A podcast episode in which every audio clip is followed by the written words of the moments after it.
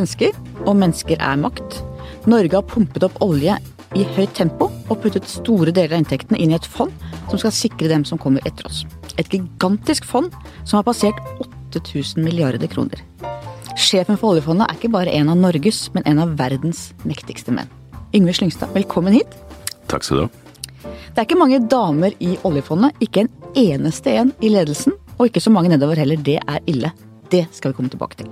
Aller først reklame. Harry trykket sin gamle venns hånd hjertelig. Jeg hører på lydbok når jeg rydder og vasker hjemme. Eh, Jeg er småbarnsmamma, og etter at jeg fikk unger, så har jeg jo ikke tid til å gjøre noen ting. Eh, Men en ting jeg må gjøre, er jo å vaske og rydde. Og da kan jeg kombinere og høre på lydbok eh, samtidig. Og det gjør at jeg føler at jeg på en måte ikke har mista meg selv helt likevel. At jeg fortsatt eh, kan gjøre noen av de tingene som jeg elsket å gjøre før jeg fikk barn. Med Storytel får du ubegrenset tilgang til tusenvis av lydbøker direkte fra mobilen din. Prøv Storytel gratis i 30 dager på storytel.no skartveit. Yngve Slyngstad, sjef for oljefondet, eller Statens pensjonsfond utland, som det heter. Da du tok over som sjef for snart ti år siden, så var fondet verdt 2000 milliarder kroner. Det har altså firedoblet seg i løpet av disse ti årene. Hvordan vil du forklare det? Det har jo vært en eh, helt utrolig reise. Dersom Det er som du sier, i løpet av relativt kort tid så har jo fondet vokst eh, helt utrolig. Eh, Det er først og fremst av at vi har eh, veldig mye aksjer i porteføljen, som vi kaller det. Fondet kaller vi det. Eh, Og vi har, eh, har hatt veldig god avkastning på det de, de siste årene. Eh, Så det er jo et fond som eh, jeg føler liksom at jeg har vært med fra begynnelsen av, men vi brukte jo ti år på å komme til 2000 milliarder. Og så har vi bare brukt da relativt eh, mye kortere tid på å komme til 8000. Og veldig mye av det har jo kommet de siste årene. Det har gått fra 4000 til 8000 på de siste fire årene. Ja, Du har jo da vært med i oljefondet fra begynnelsen og bygget opp hele den aksjeforvaltningen fra bunnen av. Du har omtalt deg selv som public servant mer enn chief executive. Hva mener du med det? Til syvende og sist så har vi jo en, en jobb der vi passer på andres penger. Eh, Vi føler oss selvsagt som medeiere, som eh, de som er norske i fondet. Men du eier ikke mer enn meg. Nei, alle, og det er det fine med det. Eh, Fra vi fant oljen i, i Nordsjøen i 1963, så var det det første som den gang eh, regjeringen Gerhardsen sa, at eh, dette eier vi jo sammen.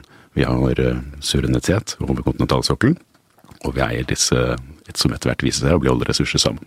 Og det har vært et, eh, en ting som vi som folk aldri har stilt spørsmålstegn ved. Og det interessante er at både oljefondet og oljeressursene var noe som ingen helt trodde skulle bli veldig stort da det begynte. Jeg var på Oljemuseet da de åpnet store utstillingen til Roar Hagen, tegneren vår, og der var alle de gamle kara. Carl August Fleischer, Jens Evensen, Nils Gullnes, Fredrik Hagemann. De som starta, de var unge menn seint i 20-åra, og la egentlig grunnlag for hele denne rikdommen. Det er jo altså et eventyr. Ja, det har vært eh, egentlig hele veien. Det er jo, det er jo helt, uh, I ettertid så har vi gjort stort sett de riktige tingene i det store bildet, da. Uh, I den, den måten man kunne gjøre det på. Vi har tatt opp olje for uh, snart 13 000 milliarder kroner. Det er jo svimlende. Det går ikke an å skjønne de beløpene. Nei da, men vi har jo brukt ganske mye av det. Omtrent litt over fire av ti kroner. Vi har gått med på å ta det opp, altså kostnaden av å ta det opp. Og vi har fått omtrent en fjerdedel satt inn i fondet. Men til gjengjeld har jo fondet da doblet seg pga. den avkastningen vi har hatt. Nesten ingen land i verden har klart å håndtere store naturrikdommer. Vi har hollandsk syke, da Nederland brått ble veldig rike på gass. Vi har spanjolene og gullet for lenge, lenge siden. Vi har Venezuela. Venezuelas oljeminister på 1970-tallet kalte jo oljen for djevelens ekskrement. Hvorfor har Norge klart det, i motsetning til veldig mange andre land? Jeg tror eh, vi får se på sikt om vi greier å gjøre det på en god måte. Er du i tvil? Så, nei, så langt har det jo gått, eh, gått bra. Um, men det som jo er riktig, er at historien viser jo at eh, land som blir rike på en enkel måte ved hjelp av naturressurser, blir rike bare i det korte løp, og i det lange løp så blir man faktisk fattigere. Nyrike er ofte både litt vulgære og litt lemfeldige med penga, eller? Det er veldig vanskelig å styre det, for man får noe som ser ut som en inntekt, men som for oss da egentlig er å ta olje opp av Nordsjøen, som egentlig er en formue i form av naturressurs, som vi jo da setter inn som en formue i verdens finansmarkeder.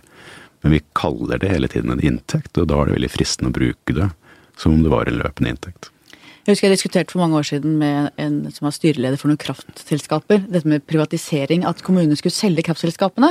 Som økonomisk sikkert er helt riktig, men mitt argument mot var at det å ha pengene på kistebunnen i kraft og ha det i et kraftselskap, er noe annet enn hvis politikerne får det på bordet, som de jo får hvis de selger kraftaksjene. Og det har vi jo sett en del kommuner, at de har jo satt de kraftpengene fullstendig over styr. Det som er generelt utfordring selvsagt i offentlige budsjetter, er at eh, det er ofte vanskelig å skille mellom hva som er investeringer, som også kommer til å gi inntekter i fremtiden, og hva som er utgifter som ikke gir noe inntekt i fremtiden. Og en av tingene som man har forsøkt med oljefondet, er å ha den diskusjonen om hvordan skal vi nå bruke disse pengene, hvordan kan vi gjøre det på en fornuftig måte. Forholdet økonomi og politikk. Vi får ofte et inntrykk av at det er en fasit, at det bare er fagøkonomer som har de rette svarene. Men sånn er det jo ikke. Økonomi er jo fornuft, politiske vurderinger og uforutsette hendelser. Hva er viktigst for deg å forstå i din rolle? Økonomi eller politikk? Jeg tror for det første at eh, som du sier, så har økonomene de siste tiåret, ti årene, egentlig siden finanskrisen i 2008, eh, gradvis begynt å ta inn over seg at de egentlig ikke har hatt veldig god oversikt over alle de måtene økonomiene kan utvikle seg på. ser du en ny ydmykhet, eller? Det er det helt åpenbart. Og det ser man på pengepolitikk og finanspolitikk og den slags også. Det er på sett og vis ikke noe naturvitenskap, selvsagt, men det ser ikke ut som det er så mange lover i økonomien som holder heller. Så den økonomiske læren er jo åpenbart nå egentlig kommet på et sted hvor man setter det i støpeskjeen igjen. Eh, og jeg tror nok de fleste økonomer vil si at de er eh, i hvert fall forsøker å være ganske forsiktige med hensyn til hva man sier om fremtiden. Når du ser de beste økonomene fra gamle dager, de brukte jo knapt tall eller økonomiske modeller. Hvis du leser Adam Smith, Carl Marx, Ricardo, Schumpeter. Så har jo økonomifag opp igjen blitt mer og mer matematiske modeller, eh, mindre ord. Er det rene hersketeknikker? Er, eller er det et fagfelt som bare har gått seg vill i teorier, som er blitt ganske ensretta og lukket? Nei, Jeg tror på mange måter at det er eh, et eh, forsøk på å gjøre noe ryddig med å lage modeller som, hvor modellene har fått sitt eget liv, og man på sett og vis derfor ikke har liksom hele tiden forholdt seg til virkeligheten som man ser den. Skjønner du de modellene alltid? Nei, de nye økonomiske modellene det er jo et fagfelt som dessverre da lager slik at det er mange spesialister som skjønner små biter av det de mener er den samlede økonomien. Politikk i verden. Hvordan, hvordan påvirker eh, krig og fred og hendelser markedene? Ja, Det har vært en, en, litt sånn usikker reise gjennom tiden. For det ser ut at eh, i visse perioder så har man jo reagert veldig brått på alle mulige geopolitiske usikkerhet. De siste årene så har det faktisk vært mindre reaksjoner i verdens finansmarkedet på de fleste eh, av type politiske hendelser. Hva kommer det av, tror du? Jeg tror på sett og vis at det er fordi at eh, selskapene nå i dag er multinasjonale, og derfor skjer det noe i ett land, så påvirker det egentlig ikke så veldig mye den samlede virksomheten. Eh, og så er det kanskje det at eh, de krisene vi har rundt omkring, da kanskje er mindre viktige i det lange løp enn det det f.eks. er med ting som teknologisk utvikling og den slags. Samtidig har vi jo, vi har jo ikke lenger krig mellom stater, det er mer borgerkriger, det er mer innkapsla mot innenfor enkelte områder. Ja, det, det, vi har sett er jo at det, det som går gærent i enkeltland, eh, som man har statskupp eller tilsvarende, det slår ikke så veldig stor grad ut på måten faktisk økonomien drives på. Eh, til og med de store krisene som har hatt i Midtøsten har jo slått mindre ut på oljeprisen enn det mange hadde forventet eller vært sagt helt sikkert. Og hvilke land er viktige for verdensøkonomisk utvikling? Hvis du ser på verdens eh, samlede produksjon, da, så er det i dag ca. en tredjedel i Kina, en tredjedel i Europa, en tredjedel i USA. Eh, og det er først og fremst da, det som skjer i eh, USA og det som skjer i Kina, som har på såkalt kjøpekraft eh, ca. en sjettedel av verdens verdiskapning hver seg, som er de to landene som påvirker det økonomiske bildet. Og Hvordan tror du det går i Kina? Fremover? Ja, Det er det på sett og vis da ingen som vet. Så Det er det utfordrende. Det er veldig vanskelig å lese tallene derfra. Det er veldig mye som er sentralstyrt på en måte som gjør at politiske beslutninger påvirker større del av økonomien.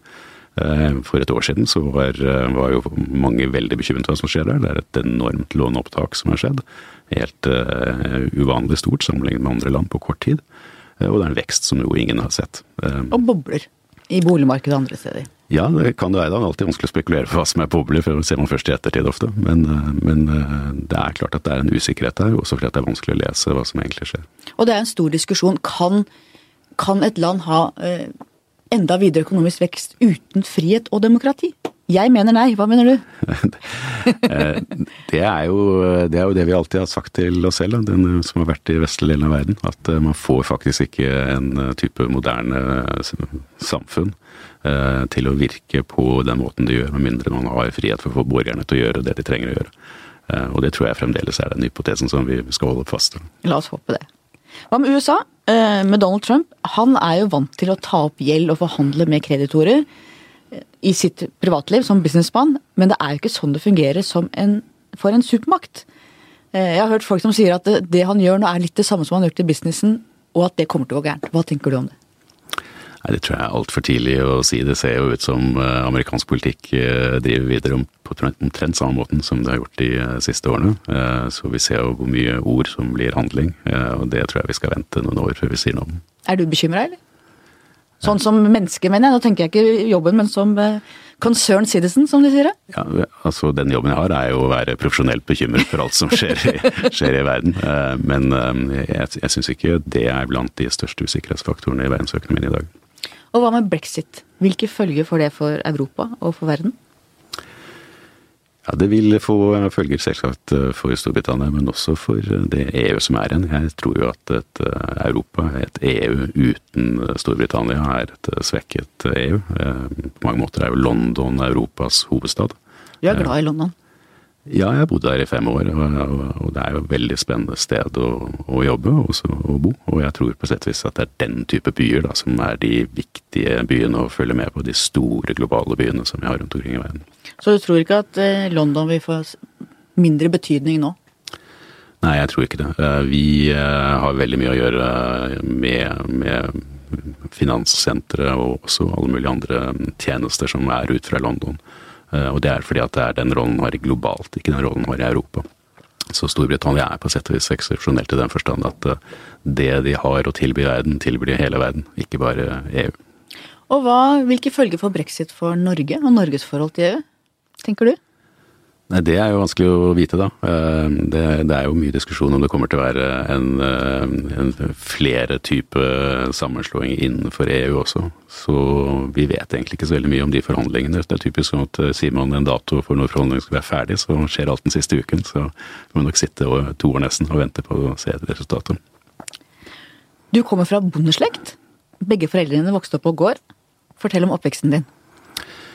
Ja, jeg er født i, født i Oslo. Jeg flyttet ut til eh, Asker da jeg var eh, fire år gammel. og Foreldrene mine bygget hus der, sånn som mange andre. Det var jo en forstad som vokste veldig raskt på, på den tiden. Og som du sier, begge mine foreldre de kom da henholdsvis fra Nord-Østerdalen og fra Sunnmøre.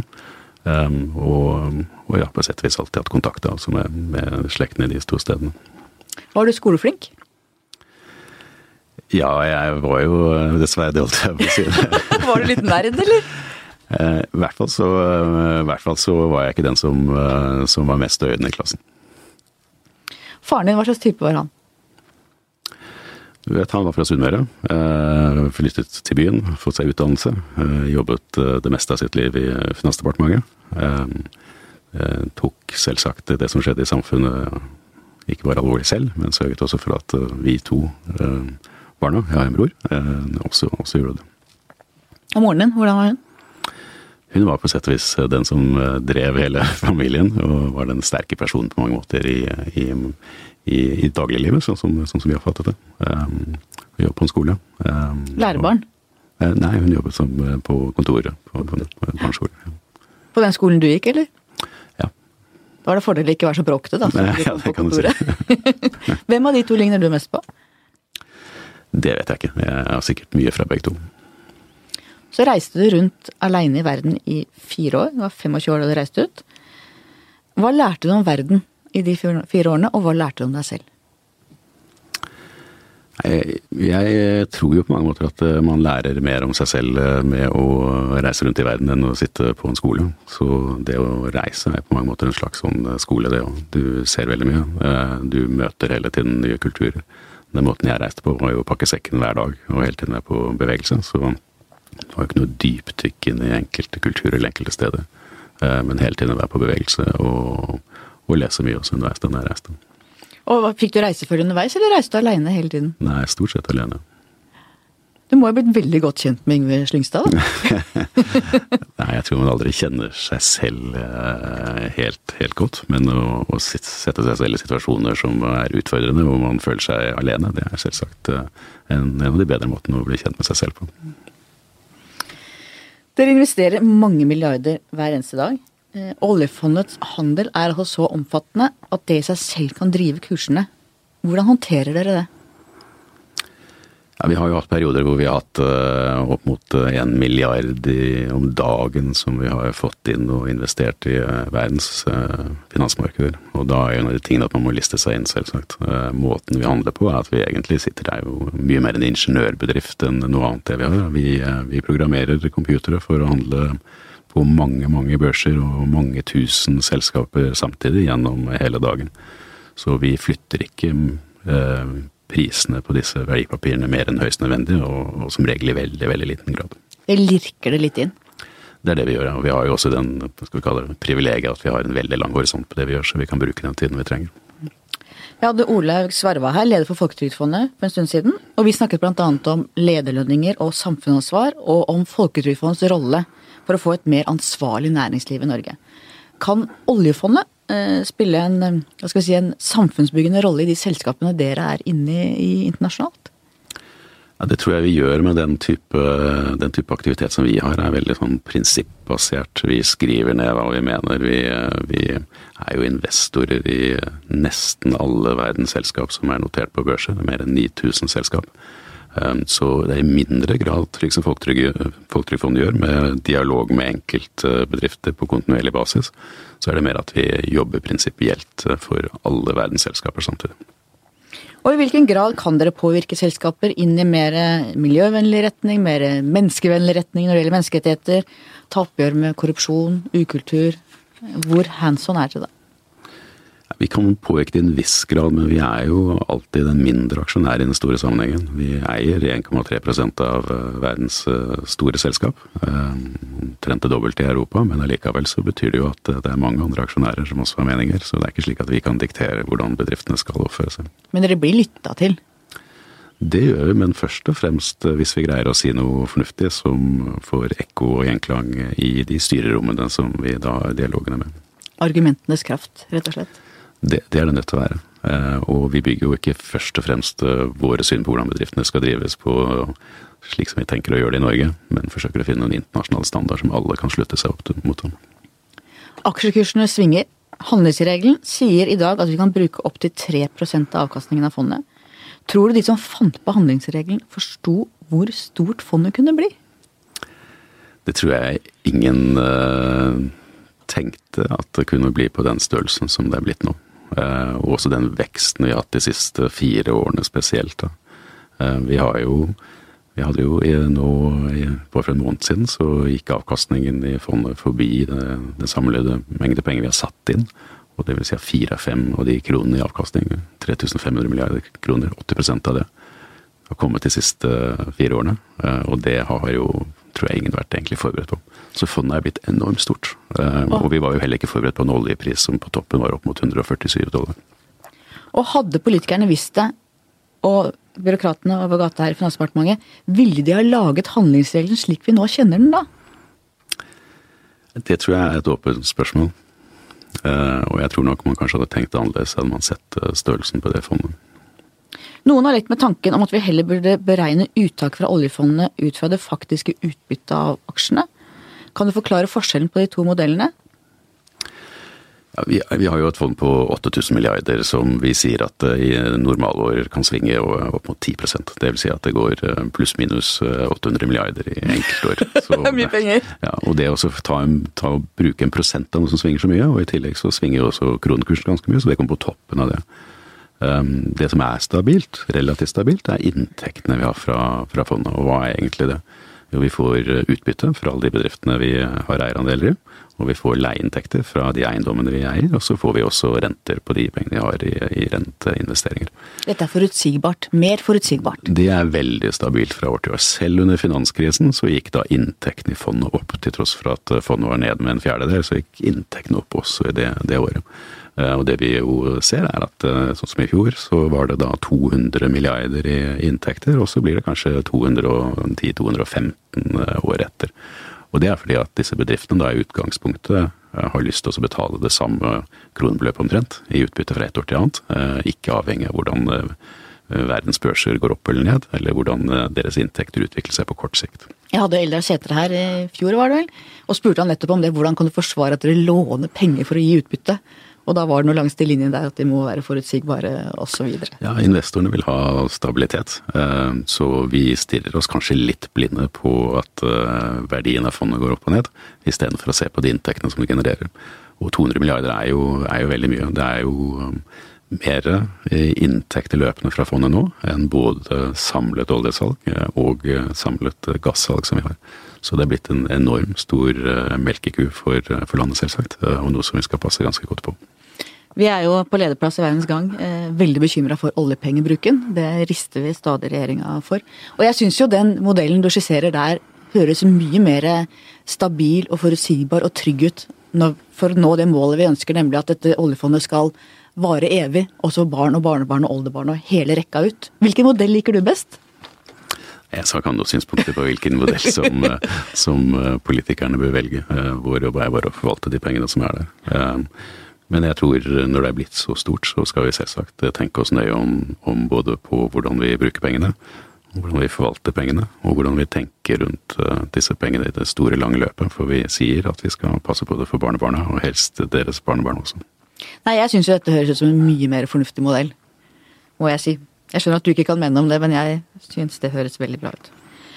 I fjor hentet politikerne for første gang ut mer penger enn vi satte inn i fondet. Det er et dramatisk veiskille i min verden.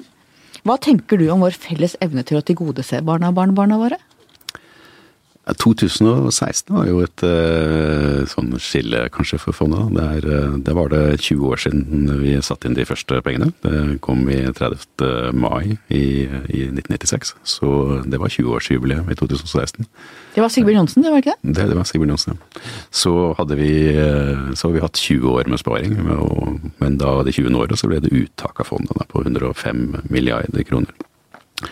Men det var altså det var jo tross alt da 20 år som er ganske lenge, med evne til å sette ganske mye penger til side. Eh, så får vi se hvordan det går fremover, om det kommer eh, faktisk mer penger satt inn i fondet. Og det får vi håpe på. Ja, og 20 år er på en måte lenge, men i et generasjonsperspektiv så er jo ikke 20 år lenge. Nei, det er litt mindre enn en generasjon. Man regner ofte 25 år som generasjon. Så spørsmålet er jo om tanken om et evig liv for fondet er realistisk om politikerne klarer å beherske seg, rett og slett? Det jeg ofte blir spurt om folk eh, som ser på dette fondet fra, fra utlandet, er jo hvordan vi egentlig tenker rundt det. da. For det er, det er, jo dessverre sånn at sånne statsfond, som det heter, eh, finnes stort sett ikke demokratier. Det finnes stort sett bare i Norge. Og det er jo selvsagt fordi at en del av mekanismen i demokratiske valg er at eh, det er veldig fort slik at velgerne gjerne vil både ha mindre skatter og høyere utgifter på alle gode formål. Ehm, så Derfor så ser man jo at i demokratier så går de med underskudd, stort sett alle sammen, helt til de har lånt opp nok penger til at det blir stopp i finansmarkedet og de ikke får låne mer. Jeg velger å tro at, at norske velgere er fornuftige og, og tåler litt sånn eh, strengere politikere òg, men eh, ja, det håper jeg har rett i.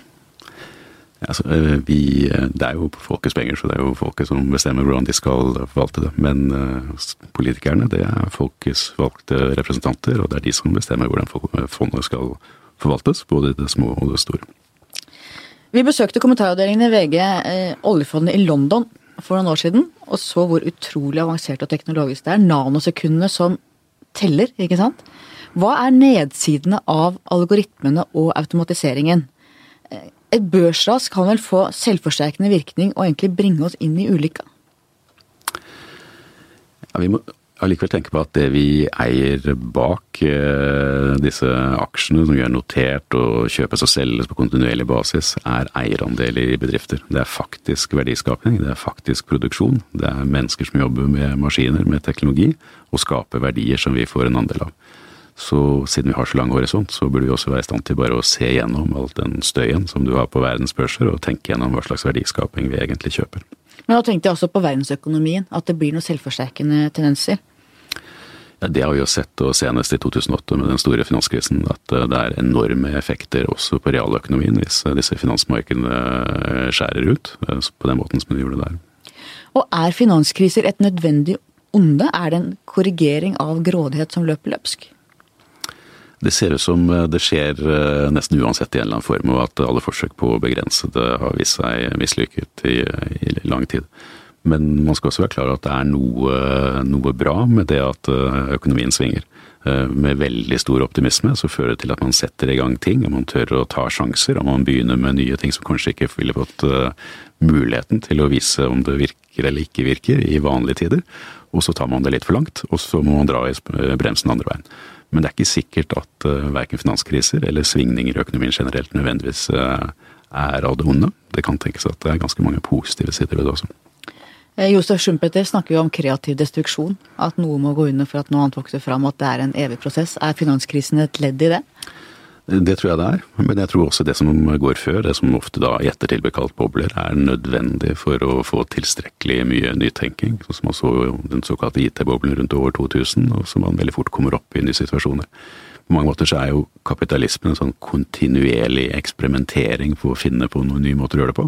Og i det lange løp så ser det ut som det først og fremst en teknologisk utvikling som bringer oss fremover, og som gjør verden til et bedre sted å være. Mer enn um, politiske beslutninger og den slags. Så derfor så må man også la dette få spille seg ut da, på en eller annen måte. Markedet handler mye om psykologi, om hva vi tenker om fremtiden. At det er på en måte summen av håp og bekymring, kunnskap og antakelser. Hvordan hadde verden sett ut uten børs og finansmarkeder? Uten kapitalisme, rett og slett? Jeg tror det er vanskelig for oss å tenke hvordan det skulle skje i praksis. For du ser selv land som Kina, som ønsker et annet system, ønsker å lage en børs og få til med sine statseide selskap på disse børsene. Og grunnen til det er at den mekanismen som jo, eh, jo det er, med å ha mange investorer som eh, stiller vanskelige spørsmål til bedriftsledelsen hele tiden, får alle mulige tall som fra deres aktiviteter ut i det offentlige rom osv., fører seg selv til forhåpentligvis da, at disse bedriftene blir bedre og hele tiden må skjerpe seg, og at det er en kontinuerlig sånn mange ser på hva du gjør eh, type aktivitet rundt eh, offentligheten i selskap, som kanskje ligner mange måter på det samme som det som dere som jobber i pressen også gjør.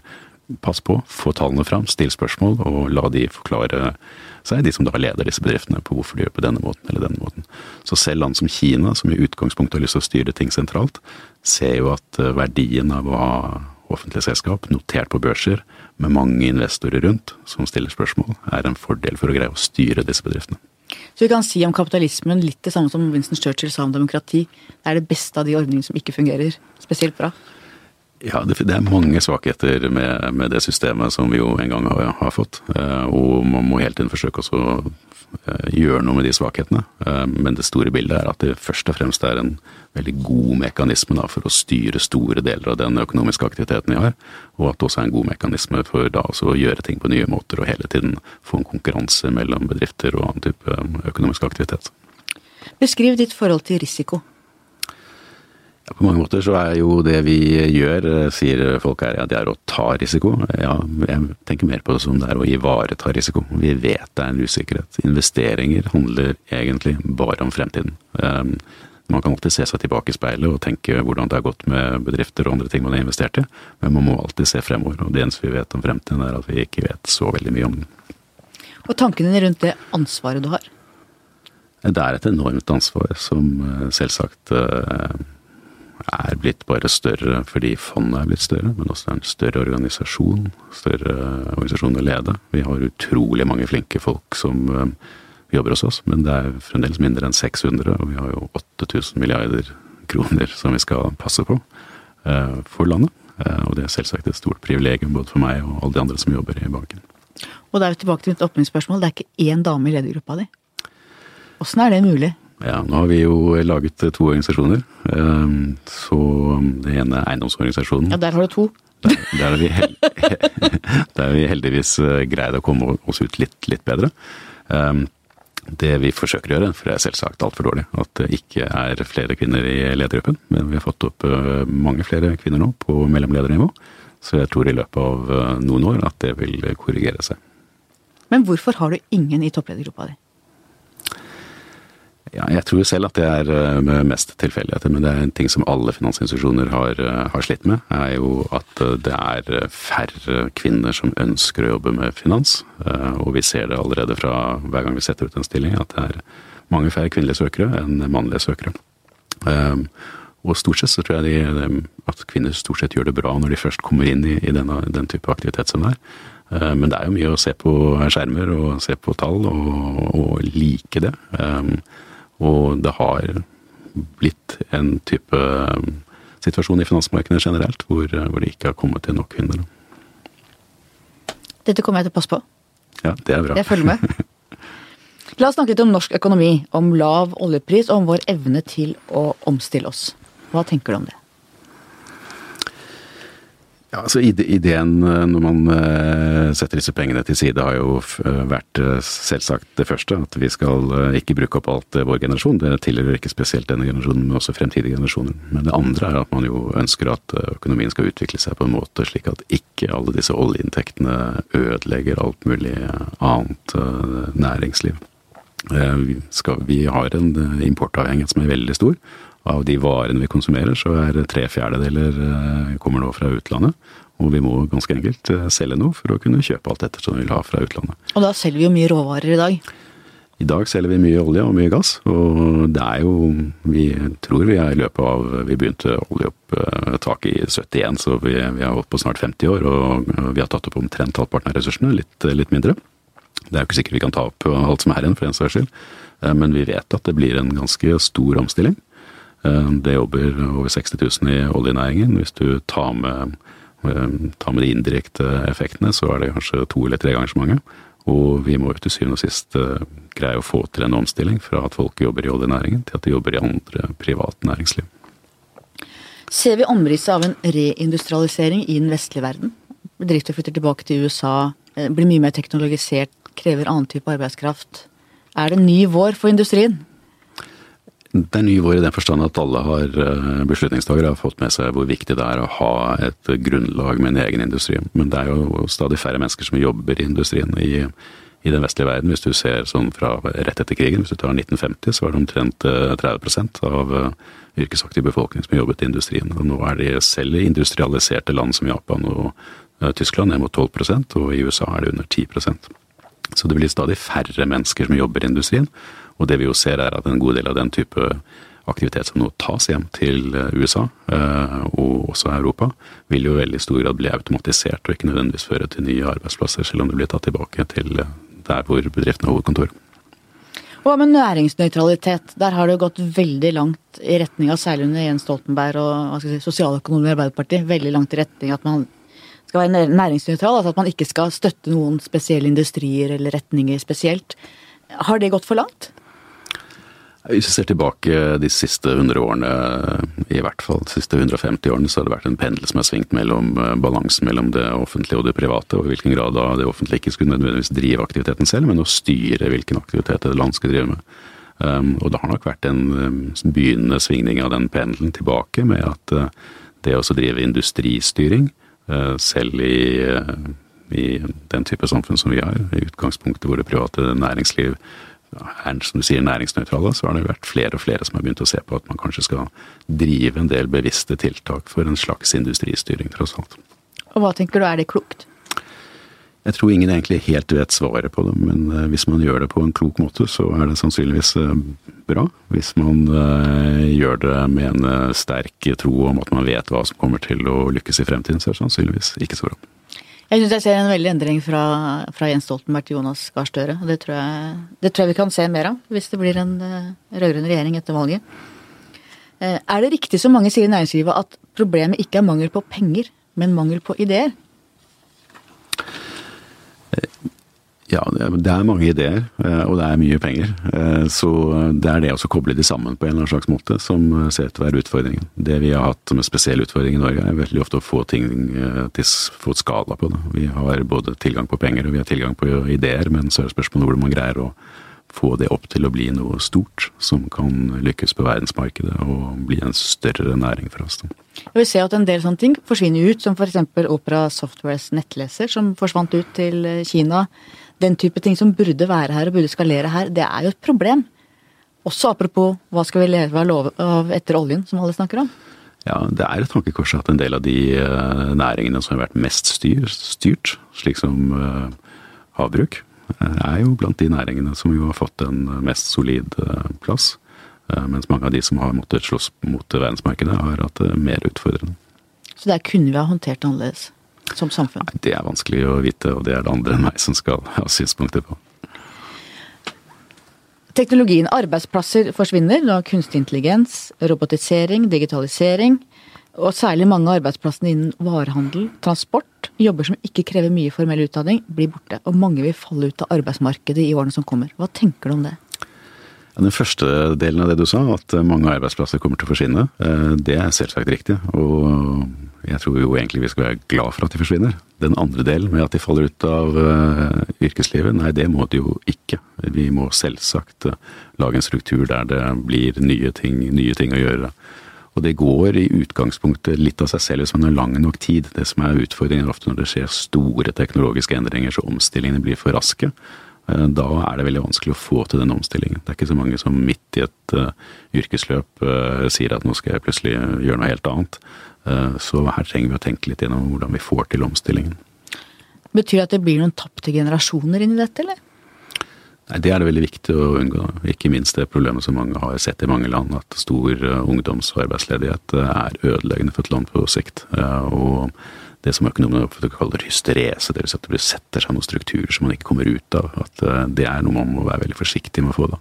Du ser f.eks. i England, en del av gamle industristedene der, hvor arbeidsledigheten går i arv generasjon etter generasjon, og det er helt ødelagte samfunn.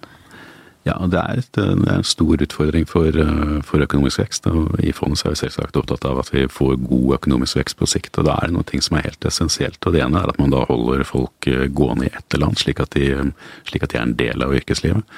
Og det andre er også at det er muligheter for alle. Eh, de mulighetene er jo det som skaper det som jeg vil kalle meritokrati. Da, å få opp eh, de beste menneskene og la alle få muligheten til å lykkes. Noen diskuterer borgerlønn. Jeg hadde Hans Christian Gabrielsen, nyvalgt LO-leder her. Han sa at det ville være en fallitterklæring. Andre mener at det kan være brua over. Hva tenker du? Man bruker det begrepet på forskjellige måter, så den delen som, eh, som er på sett og vis eh, enkelt forklart negativ skattlegging, tror jeg kan være fornuftig. Hva mener du med det, negativ skattlegging? Man kan tenke seg et enkelt eksempel av at eh, bedrifter har muligheter til å ta inn eh, lærlinger hvor de lærlingene, selv får faktisk negativ skatt ved å jobbe. For det som er problemet med en arbeidsledighetstrygd, er at man får betalt for ikke å jobbe. Og begynner man å jobbe, så mister man den. Så hvordan man skal snu det rundt slik at det blir et insentiv for å jobbe, eh, og få folk inn i arbeid. Så jeg tror ikke nødvendigvis det er en dårlig idé, man må bare tenke gjennom hvordan man iverksetter den. Mange er bekymret for at Norge veksten, takten i produktivitetsveksten går ned. Eh, vår måte å tenke bruttonasjonalprodukt, økonomisk vekst på, hva tenker du om det?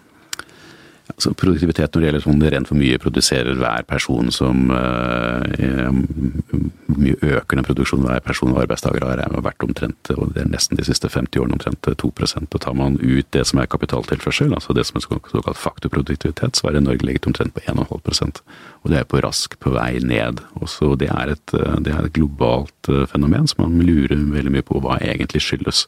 Er det det at vi blir mindre effektive? At vi får liksom gjort mindre ting? Eller er det andre ting, typen målefeil og den slags, som gjør at det ser ut som et problem, men det egentlig ikke er det? Noen mener at vi ikke har hentet ut noe særlig vekst av Facebook og Google og digitalisering og sosiale medier. At det heller tar tid.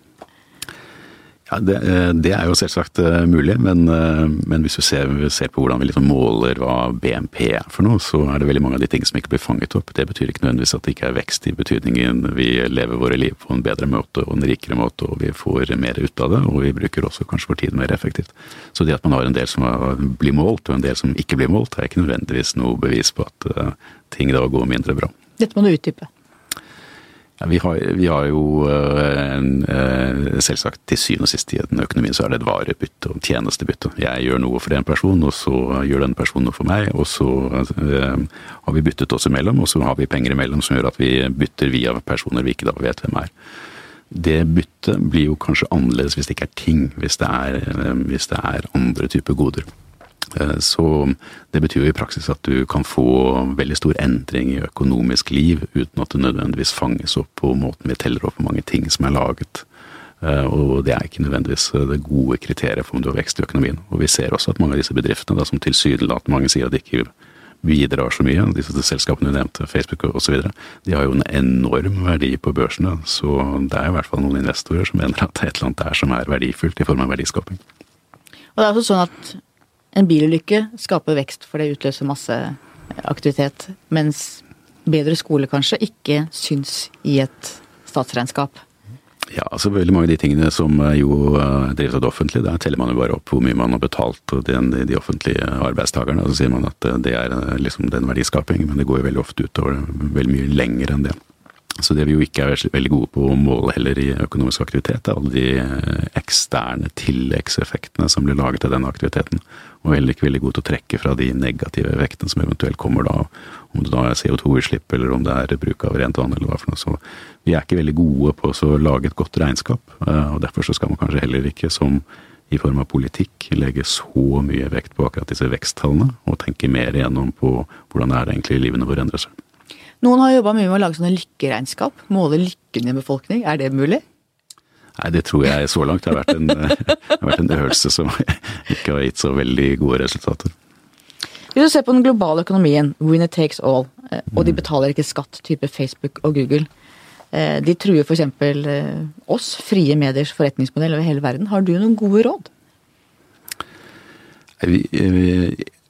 Det med at noen får alt, eh, er det, er det, kanskje vanskelig å gjøre noe med. Men det vi må sørge for, at eh, ikke mange får for lite.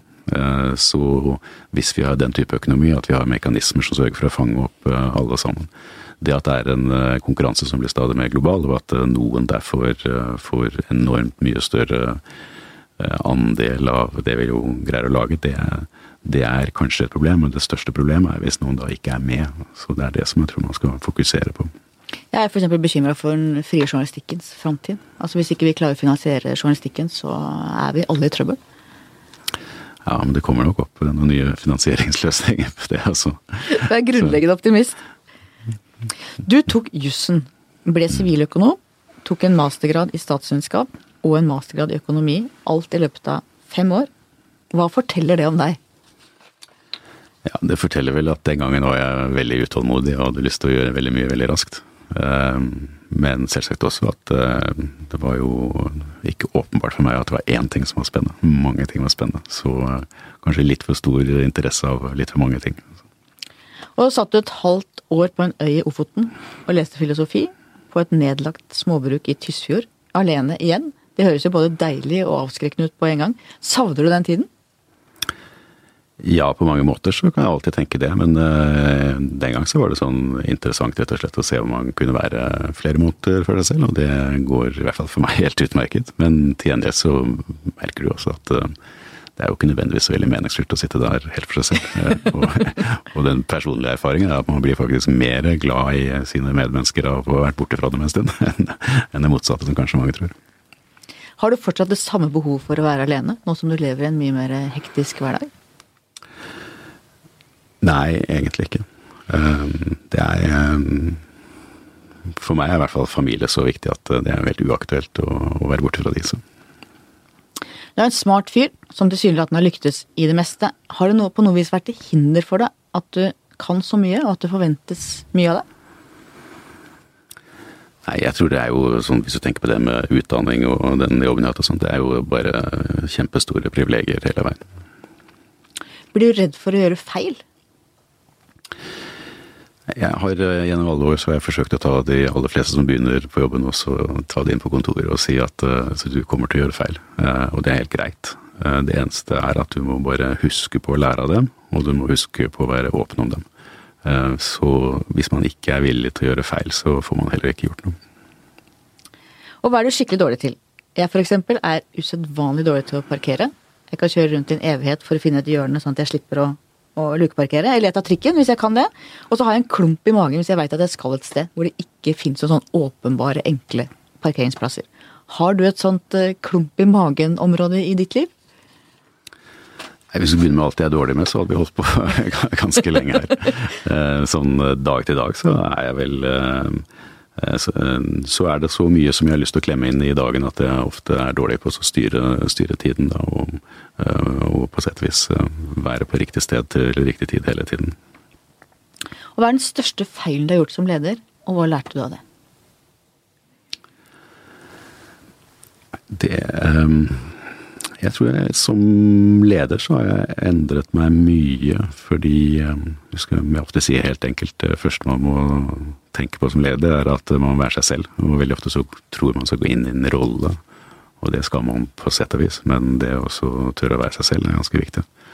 Eh, det andre er også liksom være ordentlig til stede hele tiden.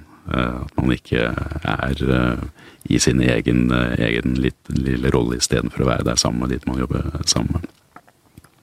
Hva er du mest fornøyd med som leder og i livet? som leder så tror jeg det er veldig vanskelig å komme forbi at uh, det første, det første to årene som jeg kom inn og vi hadde denne finanskrisen, så gjorde vi så å si alt riktig hele veien. Uh, og det var uh, Det kunne gått veldig galt, men det gjorde det ikke. Så det var på sett og vis en krise som vi jo greide å håndtere veldig bra, viser seg i ettertid. Um, det andre spørsmålet er vanskelig å svare på. Hva tenker du at er de viktige verdiene i det norske samfunnet? Um, det er mange, men jeg tror, um, jeg tror det at vi har bodd så spredt rundt, uh, rundt, omkring i landet, har gjort at vi på sett og vis helt naturlig er um, oppfatter alle som likemenn. Vi har jo ikke hatt uh, liksom, adel og et uh, føydalsamfunn og alt dette på den måten. Så det vi skal holde fast på, er den likheten. Det er veldig viktig. Um, og så tror jeg vi også må på sett og vis kanskje uh, alltid også tåle at uh, andre gjør det på andre måter. Um, og være kanskje litt mer tolerant enn det vi er. Det tror jeg kan være viktig. Hvordan ser du religionens plass i samfunnet? Jeg syns for min egen del at vi kanskje tar for lite vare på den delen av tradisjonen og den delen av verdisettet som vi har. Ehm, og på sett og vis respekterer eh, tro og troens betydning for enkeltmennesker. Det er det en intolerant sekularisme i det norske samfunnet? Nei, det vil jeg ikke si, men jeg tror, eh, jeg tror, vi har godt av å tenke ganske enkelt at uh, ting som har utviklet seg gjennom mange mange århundrer, har kanskje et eller annet som vi ikke nødvendigvis skal sette strek over, uten å i hvert fall reflektere nøye på hvorfor vi da i så tilfelle skulle gjøre det. Tror du på Gud selv? Nei, Det er sånn personlig spørsmål som jeg syns det er litt vanskelig å svare på. Det er i orden. Mm. Til slutt, mitt faste spørsmål. Hva skal bli historien om deg? Yngve Slyngstad, det var han som ja, Til syvende og sist så tviler jeg jo helst bare at det var han som var en god far. Eh, så hvis jeg skulle velge, så er det det som står øverst på listen. Og det er veldig fint. Tusen takk for at du kom hit. Ja, takk skal du ha. Takk til deg som hørte på. Takk til researcher Grete Ruud, og til vår faste produsent Magne Antonsen.